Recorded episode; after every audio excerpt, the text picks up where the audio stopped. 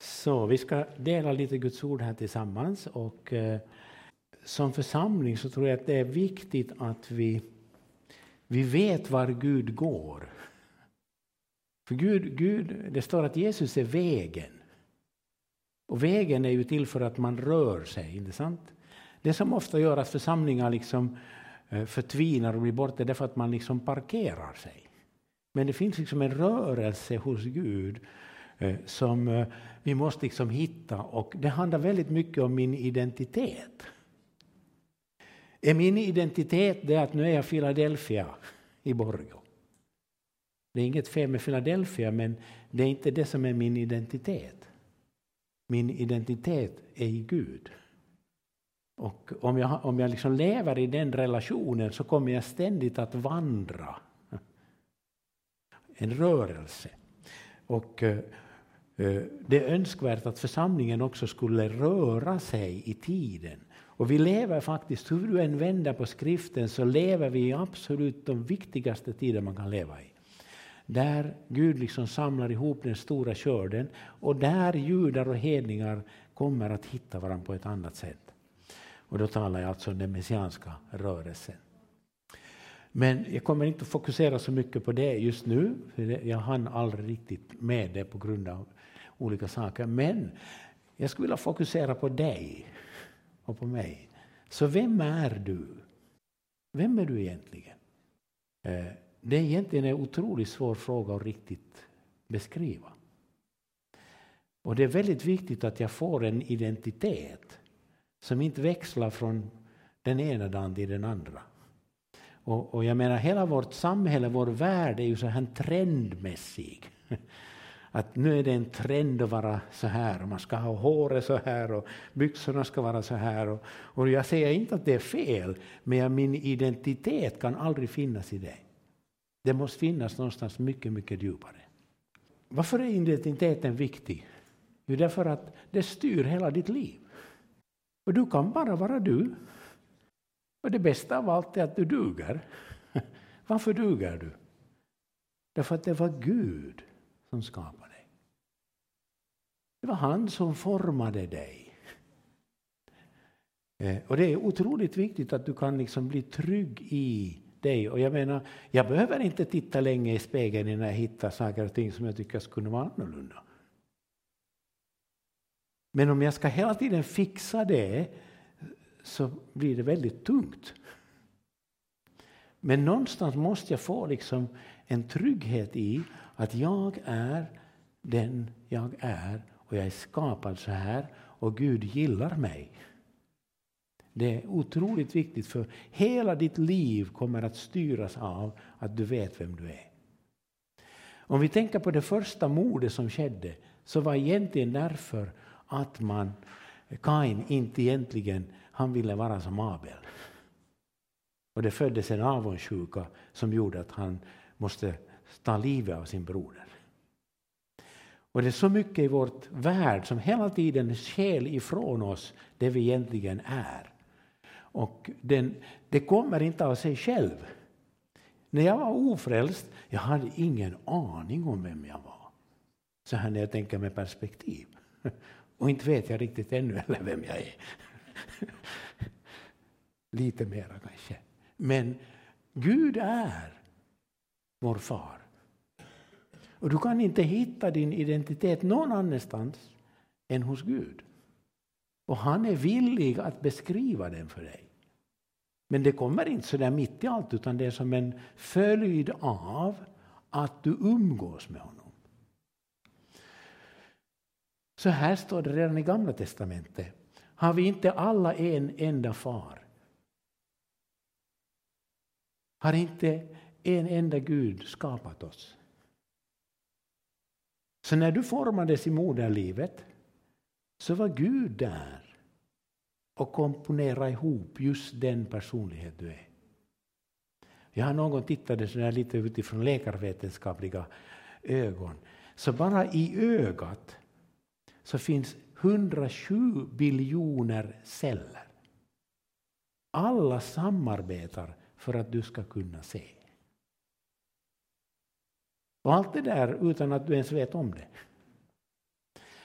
Eh, så, så tänk på det att liksom, vi kan ha våra åsikter och den här världen säger ibland saker och ting som, gör, som bryter ner oss. Så någonstans måste jag få liksom den rätta sanningen om mig. Och jag tror inte att Gud sitter i himlen och är jättesur på att du finns. Utan han älskar mig som jag är och säger att jag ska skapa fram ädelstenen i dig. När jag ser din himmel, dina fingrars verk, måne och stjärnorna och det du har skapat. Vad är då en människa? Att du tänker på henne.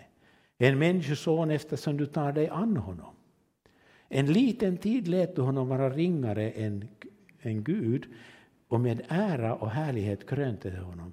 Du satte honom till Herre över dina händers verk. Allt lade du under hans fötter. Vet du att vi är skapade för att faktiskt råda här? Den här världen blev skapad för oss. Och det är sorgligt när vår teologi är sån att vi alltid bara ska till himlen. När vi ska odla potatis, om vi ska överleva morgondagen. Och liksom se det att vi är satta att förvalta det här. Och vi kan faktiskt göra enorma saker om vi kopplar Gud in. Jag har läst böcker där bönder har, har liksom, eh, som är troende och, och när skörden håller på att liksom förstöras totalt så går de mitt ut i sin åker och lyfter sina händer och bara prisar Gud att du har satt mig att förvalta det här. Och så sker miraklet att deras åkrar bär enorm skörd, skörd och grannbönderna tappar helt sin skörd. Vi ska samarbeta med Gud i att råda över det vi är insatta i. Så jag brukar ofta när jag talar med människor brukar säga att du har alltid rätt att ha frid i ditt hem. Att begära Guds herravälde in i ditt hem. Och på din arbetsplats. Så när du går in på din arbetsplats så säg inte bara att det är bara eländiga arbetskamrater utan säg i Jesu namn så ska din frid komma hit. Eh, därför att du är satt av Gud att utföra det. Så om jag frågar så här. Varför finns du här? Varför finns vi här? Det måste väl finnas en lite större idé än, än vad vi själv hittar på. Och när vi läser Bibeln så ger Bibeln väldigt starkt också en beskrivning av varför vi finns här. Jag är skapad av Gud är en sanning som jag egentligen aldrig blir, blir riktigt färdig med. Det finns så mycket att upptäcka. Men det är ändå så att du behöver upptäcka det. Du behöver söka det. Erik Evald sa i sin tid så här, det svåraste för människan att lämna det här livet är när du liksom ska lämna det liv du aldrig har levt. Eh, och jag tror att det ligger något i det. Eh, Paulus sa så här att nu vet jag att min tid tar slut. Jag har fullbordat loppet.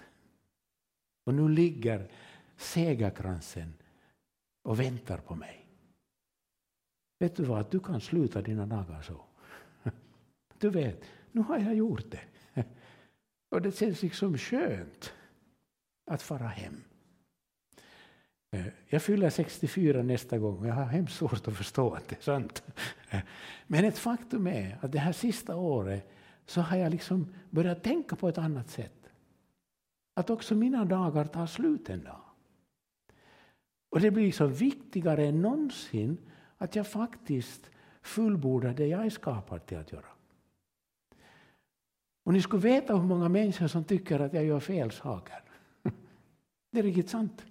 Till och med pastorer och profeter. Men jag brukar säga så här att det är faktiskt så att han som kallar det mig, han är lite större än du. Han är lite större än du. Och att våga vara lydig, den där inre rösten, när många säger att vi förstår inte vad du håller på med. Och det är klart, det är bristfälligt, men jag blir bara tillfredsställd om jag lever det liv som Gud har tänkt för mig. Om jag försöker leva något annat liv, vad blir det då? När jag riktigt lyckas så blir jag en apa. Och det vill jag inte vara. Gud har skapat mig, det vill säga han vill att du finns till. Han vill att du finns till. Och jag hoppas att den här enkla undervisningen här ska ge dig liksom så här att du kan vakna och säga vad ska vi göra idag? Hur ska vi leva den här dagen? Varför vill han det? Varför vill Gud att du finns till? Jag skulle kunna hitta många, eh, eller jag har träffat många människor som tycker att de inte vill finnas till. Och vår värld blir bara svårare och svårare på det området. Självmordsstatistiken växer. Eh, men vi finns still. Du finns still därför att Gud både vill det och han älskar dig. Han älskar dig, därför formar han dig till det vad du är. Jag har, har mina rötter i Gud. Jag tillhör honom, inte som ett skåp, en piano eller något annat, utan för att ha en relation. Många församlingar blir som museum till slut. Så någonstans har man tappat den här relationen. Och det är ju det, det som är det intressant med, som jag nämnde om den här änglafesten, så eh, i och med att det har varit det flyttande och mycket annat som har slitit lite på våra krafter, så tyckte Bettan, hon sa här tidigare att jag orkar inte med en änglafest. För hon ger 110 procent. Men en dag så talar Gud och hon överlåter sig. Och vet du vad som händer? Hon får sån energi. och hon får sån glädje och hon får ett helt team, ett jättestort gäng. Alla vill vara med. Och vet du vad? Du kan få överlåta dig till Guds gärningar. Det är inte det som det handlar om. Gud viskar i ditt öra vad han vill och när du överlåter dig till det så bara börjar det hända. Och det är det som är ett kristet liv. Allt annat är något annat. Vår identitet den kommer från honom, Kristus. Vad betyder Kristus?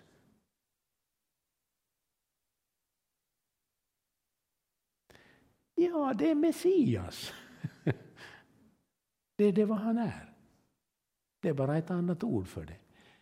Vi är frukten av ett genomtänkt och frivilligt val från Guds sida. Gud har tänkt och planerat dig innan världens grund belagd. Så han har komponerat precis hela din kropp, din, din, din psyke, allting är där. Halleluja. Jag tycker det är helt fascinerande att tänka så, för Bibeln säger det. Ett kärlekens val, inte bland en massa existerande människor utan bland en oändligt antal möjligheter. Om jag tänker så här att Gud liksom ska komponera ihop en människa, vet du, det är massa saker. Han ja, vi tar det där, vi tar det där. Så kokar vi ihop och så blir det du. Och det finns bara en som du. Och när man riktigt tänker på det här, så vad, vad leder det till? I mitt hjärta så leder det till alla de här som inte förstår det. Deras plats är tom i evigheten. Ändå hade Gud skapat dem, format dem för ett liv i gemenskap med honom. När min syster dog, min lilla syster Rut, och när vi satt tillsammans med familjen så var hennes, hennes stol tom. Och det blev för mig liksom en, en stark påminnelse. Det finns många stolar som kommer att vara tomma. Därför att man inte har förstått vad Gud ville med mitt liv. Och vem ska berätta det? Vi har en jätteviktig uppgift. Som inte är en piska. Utan så sant jag kan se det och själv leva av en identitet från Gud så blir det så lätt att bara ge det vidare. Gud ville att just denna specifika möjlighet när han komponerar ihop allting som är du. Han vill att just du ska finnas. Och eh, det som egentligen hände i skapelsens begynnelse när, när den här relationen bröts. Det som hände är att vi tappar bort oss. Vi vet inte vem vi är. Och att man kloka vetenskapsmän och andra fiffiga människor, högt utbildade, kommer fram till någonting så helt otroligt att vi kommer från apor. men tänk lite, hallå! När våra barn gick till skolan, speciellt Joel, eh, när det var Johannes faktiskt, när han kom till skolan och fick höra det här så han gapskrattade. Och så sa min lärarinna tror att jag kommer från aporna. Men jag menar, hur, hur klok får man vara i sin dårskap? Så när jag presenterar Eh, evangeliet för de här ryska judarna som vi har så brukar jag faktiskt lyfta fram en apa. Och så brukar jag lyfta fram eh, Mikael Angelos tavla som målar när Gud skapar honom. Och så sätter jag de här bibelorden att han formade mig. Och så brukar jag säga, nu får du sätta handen på hjärtat och fråga, vilket känns bättre? Kanske din farfars farfars farfars farfars far var en gorilla. Men evangeliet har kommit för att föra oss tillbaka. Att känna igen evangeliets sanning om dig. Det är inte det det handlar om. Och tänk vad fel det kan bli om vi går ut med lagar och paragrafer. Det är klart det finns lagar, men man kan inte börja med det.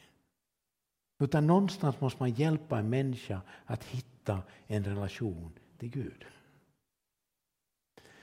Så vad säger evangeliet om dig idag?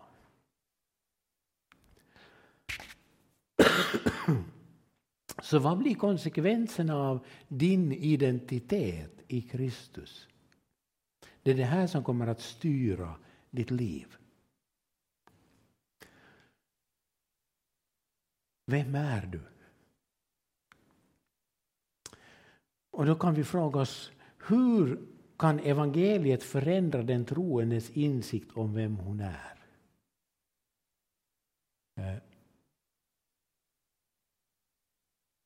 För mig blev det väldigt starkt för många, många år sedan, någon tidigt 90-tal, när jag läser Matteus 16 och eh, därför att allting i hela skapelsen har en relation till Jesus. Och det som inte har en relation till Jesus kommer att rasa ihop en dag. Och när Jesus frågar sina lärjungar, vem säger ni att jag är? Då säger ju Petrus, eh, jag vet vem du är. Du är Messias, den levande Gudens son.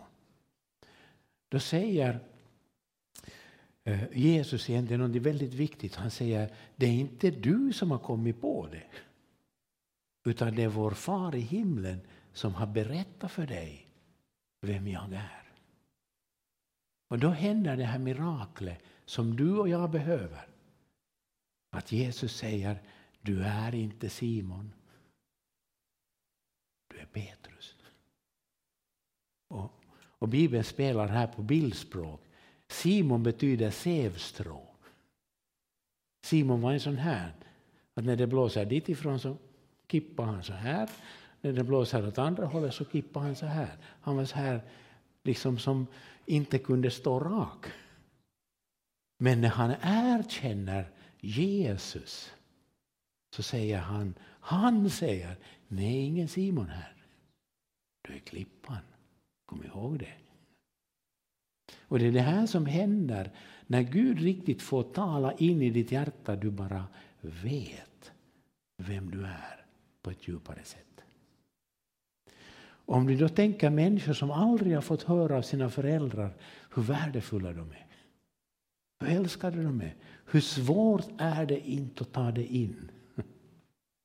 Och vi har en hel generation som växer upp i en djungel. Och, och det är skrämmande att se hur mycket av våra ungdomar idag söker sig till okulta källor. Hur påverkar evangeliet den troendes förhållande till andra människor? Bibeln säger så här att kom ihåg hur det var med dig förr. Vi går inte liksom en meter högre upp än alla andra och säger att ni skulle bara vara som vi. Utan det påverkar oss jättestarkt hur vi ser vår medmänniska. Så att jag älskar dem och vill hjälpa dem in i en relation med Gud. Så om vi läser några bibelverser eh, som är väldigt välkända för oss. Välsignad är vår Herres Jesu Kristi Gud och Far som i Kristus har välsignat oss med all den himmelska världens andliga välsignelse. Hur välsignad är du? Hur mycket välsignelse finns det i himlen? Det står att han har välsignat det med all. Så vi skulle kunna fara på skattjakt och upptäcka, för det handlar om att upptäcka. Eh, för att du kan bara fungera i det du tror på. Och tro är inte bara liksom att jag, jag tror om jag inte är riktigt övertygad. Utan om jag faktiskt ser det så kan jag leva som om det är här. Och därför är det väldigt viktigt att jag ser vad Gud har gett mig. Liksom han innan världens grund blev lagd hade utvalt oss. Han hade redan då utvalt dig för att vi skulle vara heliga och fläckfria inför honom. Så han har utvalt dig långt innan du ens visste om honom. Och det här ordet helig är väldigt jobbigt om vi inte kopplar det ihop med barmhärtighet. För om inte han är barmhärtig utan bara helig så får vi problem. Vi väljs av honom för att räknas heliga och oskyldiga. Hur kan Gud säga att du är oskyldig? Vet du, det här är en väldigt viktig fråga som du måste komma till klarhet med. För både jag och du vet att inte du är så fullkomlig. Men hur kan du då komma inför Gud och säga jag är skuldfri? Och det är väldigt lätt så här i en, en atmosfär där allt är okej. Okay. Men när åklagaren kommer, då är det något helt annat. Och ett faktum är, jag, jag kan, det blir för lång tid om jag börjar beskriva vad jag har sett och varit med om. Men ett faktum är att i andevärlden kan du inte gömma saker.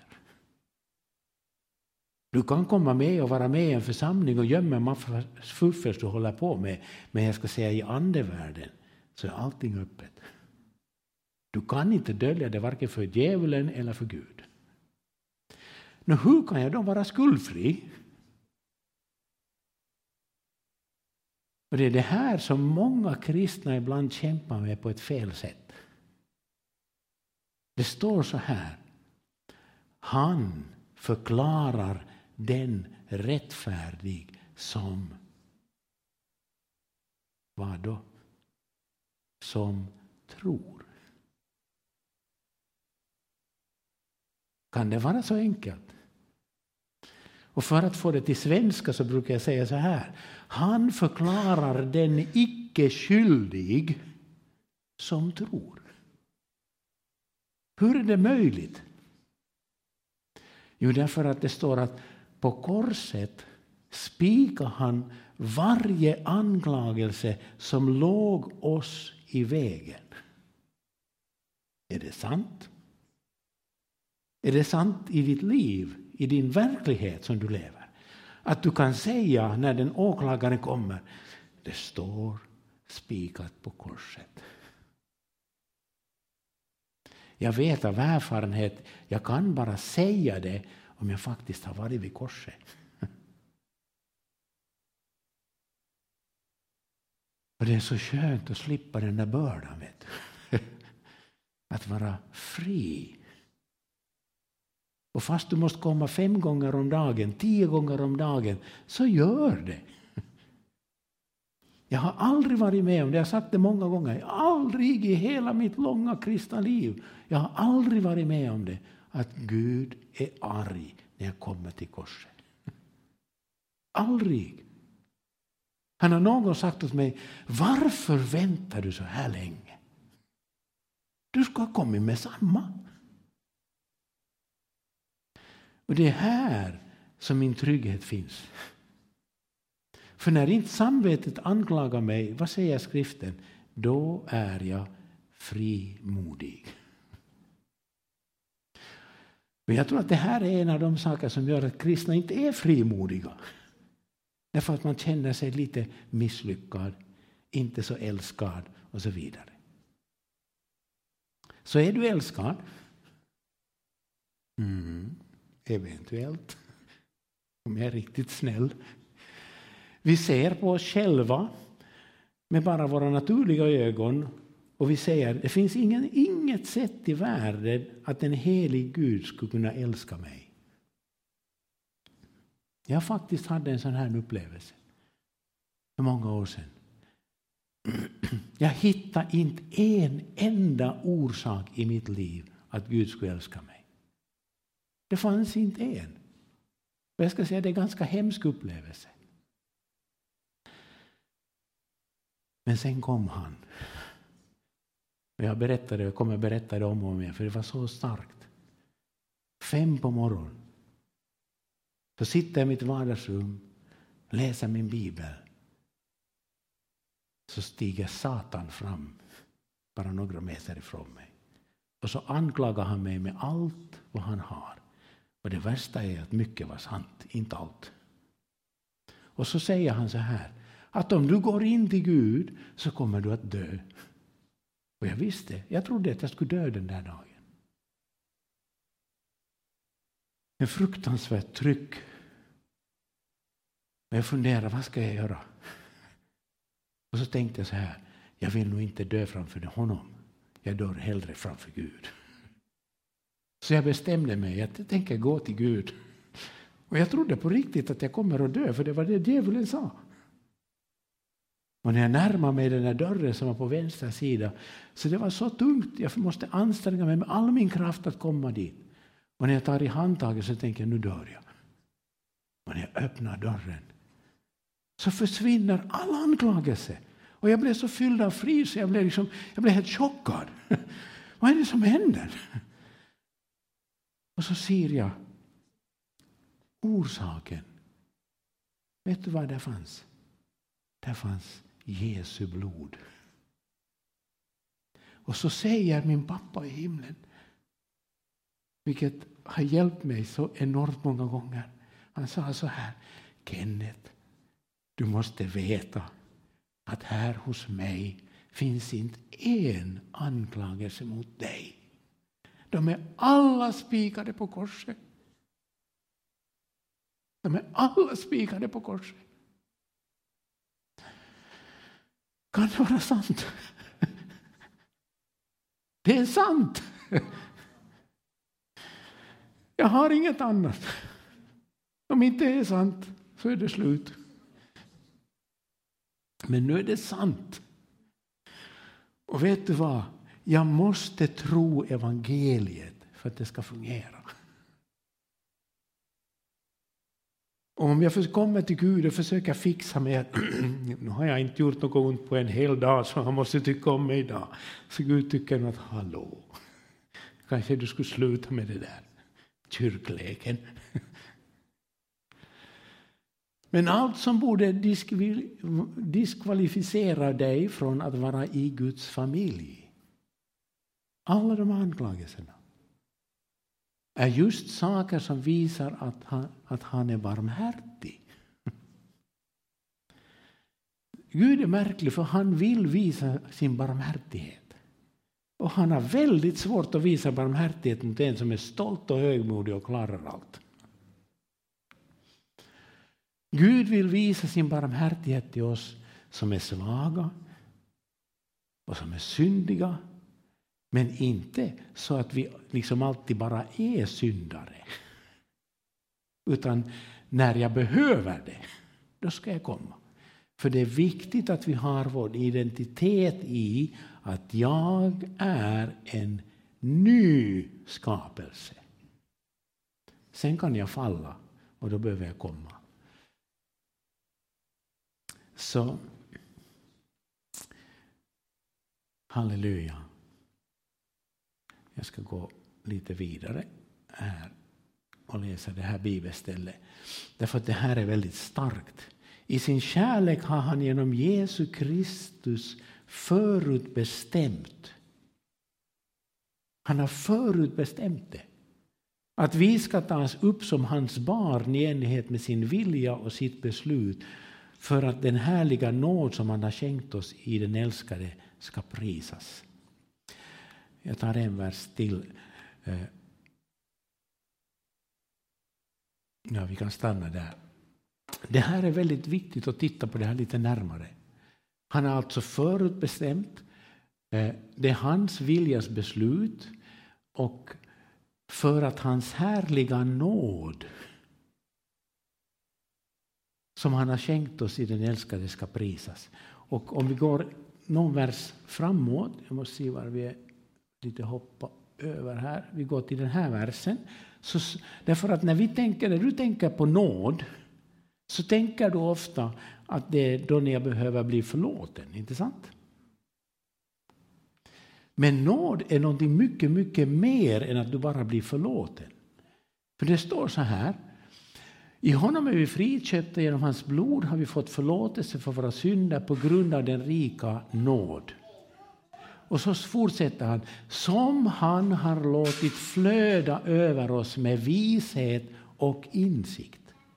Vad är det som flödar över oss? Det är nåden. Som ger oss vad då? Insikt och vishet. Och vad är det för vishet han ger? Jo, han har låtit oss få veta sin viljas hemlighet. Hänger du med? Alltså när jag har blivit frälst så, så lever jag i ett, ett tillstånd av Guds uppenbarelse som flödar in med vishet och insikt. Och ska vi titta på det lite närmare så handlar det om att jag hittar min plats i Kristi kropp. För det slutar med att han ska samla allting under Kristi huvud. Så frågan är, vad är det som flödar över ditt liv? Vet du vad, vad din plats är? Vet du vad, vad du ska utföra här i livet? Det, det är vad det här bibelstället säger. Att det finns en uppgift för oss. Det finns någonting som han vill förklara för oss. Vad är min plats i Kristi kropp? Halleluja. Så jag ska inte tala längre. Jag har bara hunnit i knappt halva. Men ni blir trötta. Men vi ska stanna vid det här. Han vill låta alltså, sin vilja bli förkunnad för dig. Men frågan är, hur mycket frågar du på riktigt efter den? Som jag nämnde om Bettan, hon tyckte att hon inte orkar ha en änglafest. Men när hon frågar så får hon svar. Och vet du vad? Hon är jätteglad idag. Och vet du vad? Vilket är ännu bättre. Du kan också bli glad. När du frågar och så gör du det han säger. Men jag ska säga det, inte en enda av oss här är utan uppgifter. Det är inte viktigaste vad jag gör, utan att du gör det han säger. För det finns något helt oerhört i att få göra Guds vilja. Och ibland kan det kännas liksom en väldig utmaning. Eh, men när du gör det så blir du liksom mätt på något sätt. Du bara vet, det här var rätt och det här var härligt och jag behöver inte ens lön för det. För min lön är att göra hans vilja, står det. Eller egentligen så står det så här att min mat är att göra hans vilja. Så det här är hemligheten. Himlen har öppnats. Och du får komma till din pappa när som helst. Och du får sitta där och samtala med honom.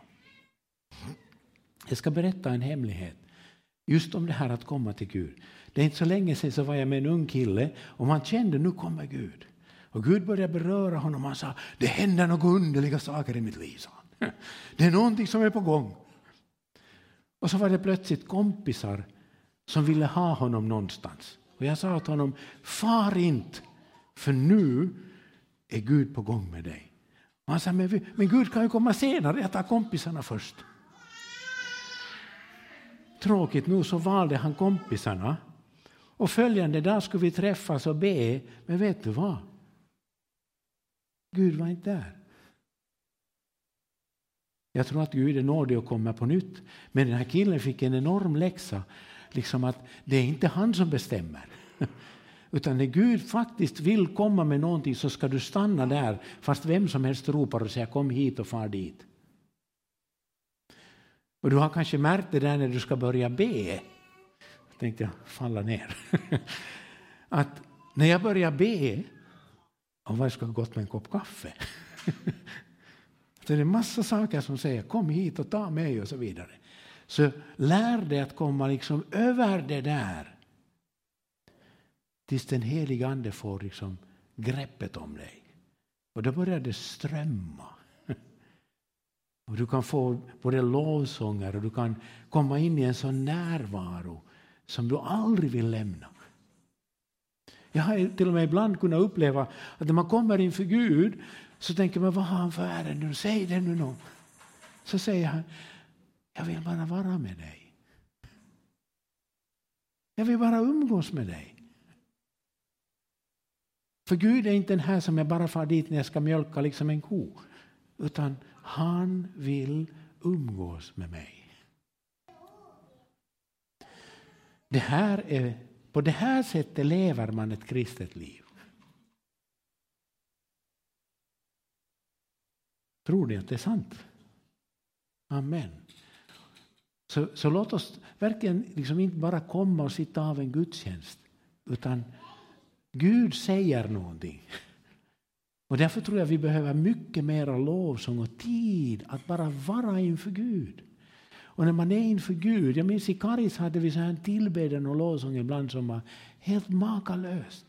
Vissa gånger kunde jag få tio predikningar på två sekunder. Vissa gånger så fick jag lägga ner mig på golvet för jag hade sån värk i ryggen att jag inte visste hur jag skulle... Jag kunde varken sitta eller stå. Men när jag låg där på golvet och lovprisade Gud så blev jag helad. Vissa gånger var det sån atmosfär att när jag steg ner från predikan så, så kunde man inte säga någonting. Församlingen satt tyst under den helige Andes liksom, hur han ruvade i 45 minuter. Och som en god pastor så hade vi inte tagit kollekt så jag sa att kollektboxen, jag steg upp och sa att jag sätter kollektboxen där bak, att ni kan ju sätta en slant dit. Då stiger en syster upp och säger så säger Herren, det är inte färdigt än. och jag kändes något fruktansvärt. Och sen händer något helt makalöst. Utan att någon ens bjuder fram så kommer hela församlingen och böjer knä och gråter inför sin pappa. Vet du vad? Sådana gudstjänster behöver vi.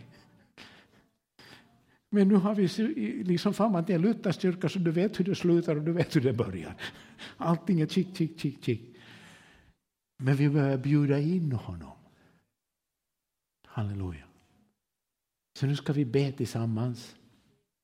Och det handlar till sist och slut om överlåtelse. Ge honom rätt. Halleluja. Halleluja. Vi kommer himmelske pappa inför dig. Tack att du är så god. Du som ser allt och vet allt. Du ser den som är trött, sliten. Tack att du vill ge. Låta det friska vattnet bara strömma här. Tack att all stress får försvinna, Herre, också mitt i församlingslivet.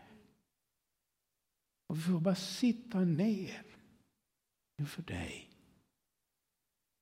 och fyllas med den där kärleken där vi bara vet vem vi är. Vi är dina barn. Som du är villig att ge allt vi önskar. Allt vi begär. Kom himmelske pappa och berör oss. På det sätt vi behöver det. Halleluja. Det ser som en syn när vi ber här. Jag ser hur vattnet, det himmelska vattnet börjar stiga här. Och Gud säger väldigt klart, låt mig få leda den här församlingen. Låt mig fylla den. Låt livet ta över. Den första församlingens ledarskap de sa så här, vi kan inte försumma att läsa Bibeln och be. Och det finns någonting i det där att öppna Guds ord och sitta inför vår pappa och bara veta, nu talar han. Halleluja.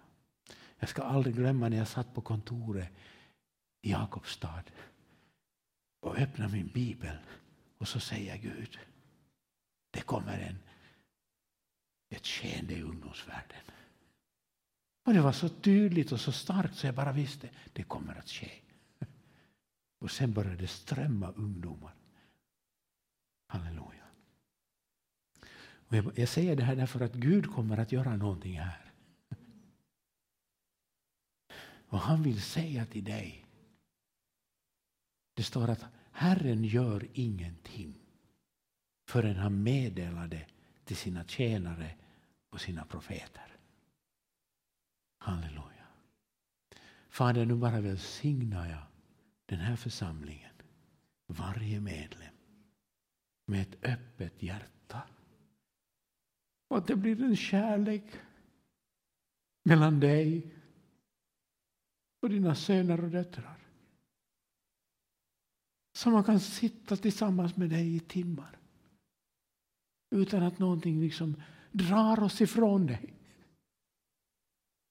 Och vi ber Herre, vi vill liksom ge församlingen åt dig. Du får komma som du vill. Du vet hur Nickbyborna fungerar. Du vet hur man ska nå den. Och du vill använda varenda en. Med just de gåvor du har komponerat i oss. Bibeln säger att det är en väldig hemlighet. De här, det som man kallar för Herrens högtider. I fjärde, tredje Mosebok 23 så står det så här. Om ni kommer upp inför Herren tre gånger per år. Och då är det inte bara ett möte utan man stannar en hel vecka. Så skall jag fördriva era fiender. Bara att man sitter inför Gud. Halleluja. Jag har upplevt det där i min, mitt liv några gånger. Hur liksom, jag behöver inte anstränga mig. Utan när fienden kommer så bara står jag där. Och det är de som viker. Jag behöver inte säga ett ord. Men det är den här liksom närvaron, det är den här klädseln han vill lägga över sin församling. Och över dig som person. För det, det, någonting måste ske om vi ska beröra vår bygd. Någonting som är långt utöver vad vi förmår. Men han har satt sin församling för att beröra den här bygden. Och han behöver inte något mer än du. Halleluja. Så Fader, vi, vi vill tillbe dig. Vi vill ge dig äran. Herre, vi öppnar våra hjärtan så vi riktigt kan känna din kärlek.